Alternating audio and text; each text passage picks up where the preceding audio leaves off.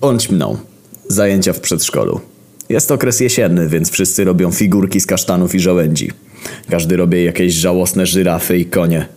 Takie to mało kreatywne i bezpomysłowe. Jebane gnojki z wypranymi mózgami. Zero pomysłu na stworzenie czegoś innego, nieprzeciętnego. Ciekawe jak one sobie poradzą za kilkanaście lat w życiu, jak jedyne na co ich teraz stać to pierdolone żyrafy i konie. Przecież taka żyrafa różni się od konia jedynie tym, że w miejsce szyi wstawiamy dłuższą zapałkę. No szkurwa mać!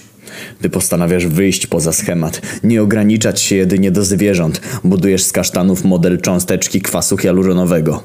Inne dzieci już skończyły swoje gównodzieła i zaczynają się nimi bawić. Bawią się w jebane zoo, w którym są same żyrafy i konie. Podchodzi do ciebie Staś ze swoimi spierdolonymi figurkami i pyta, czy chcesz się z nim pobawić.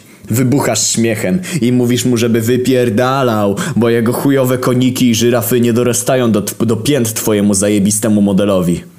Rozdeptujesz jego zwierzaki. Staś zaczyna płakać. Wtem wchodzi do sali przedszkolanka. Każe ci uspokoić twojego syna Stasia i wracać z nim do domu.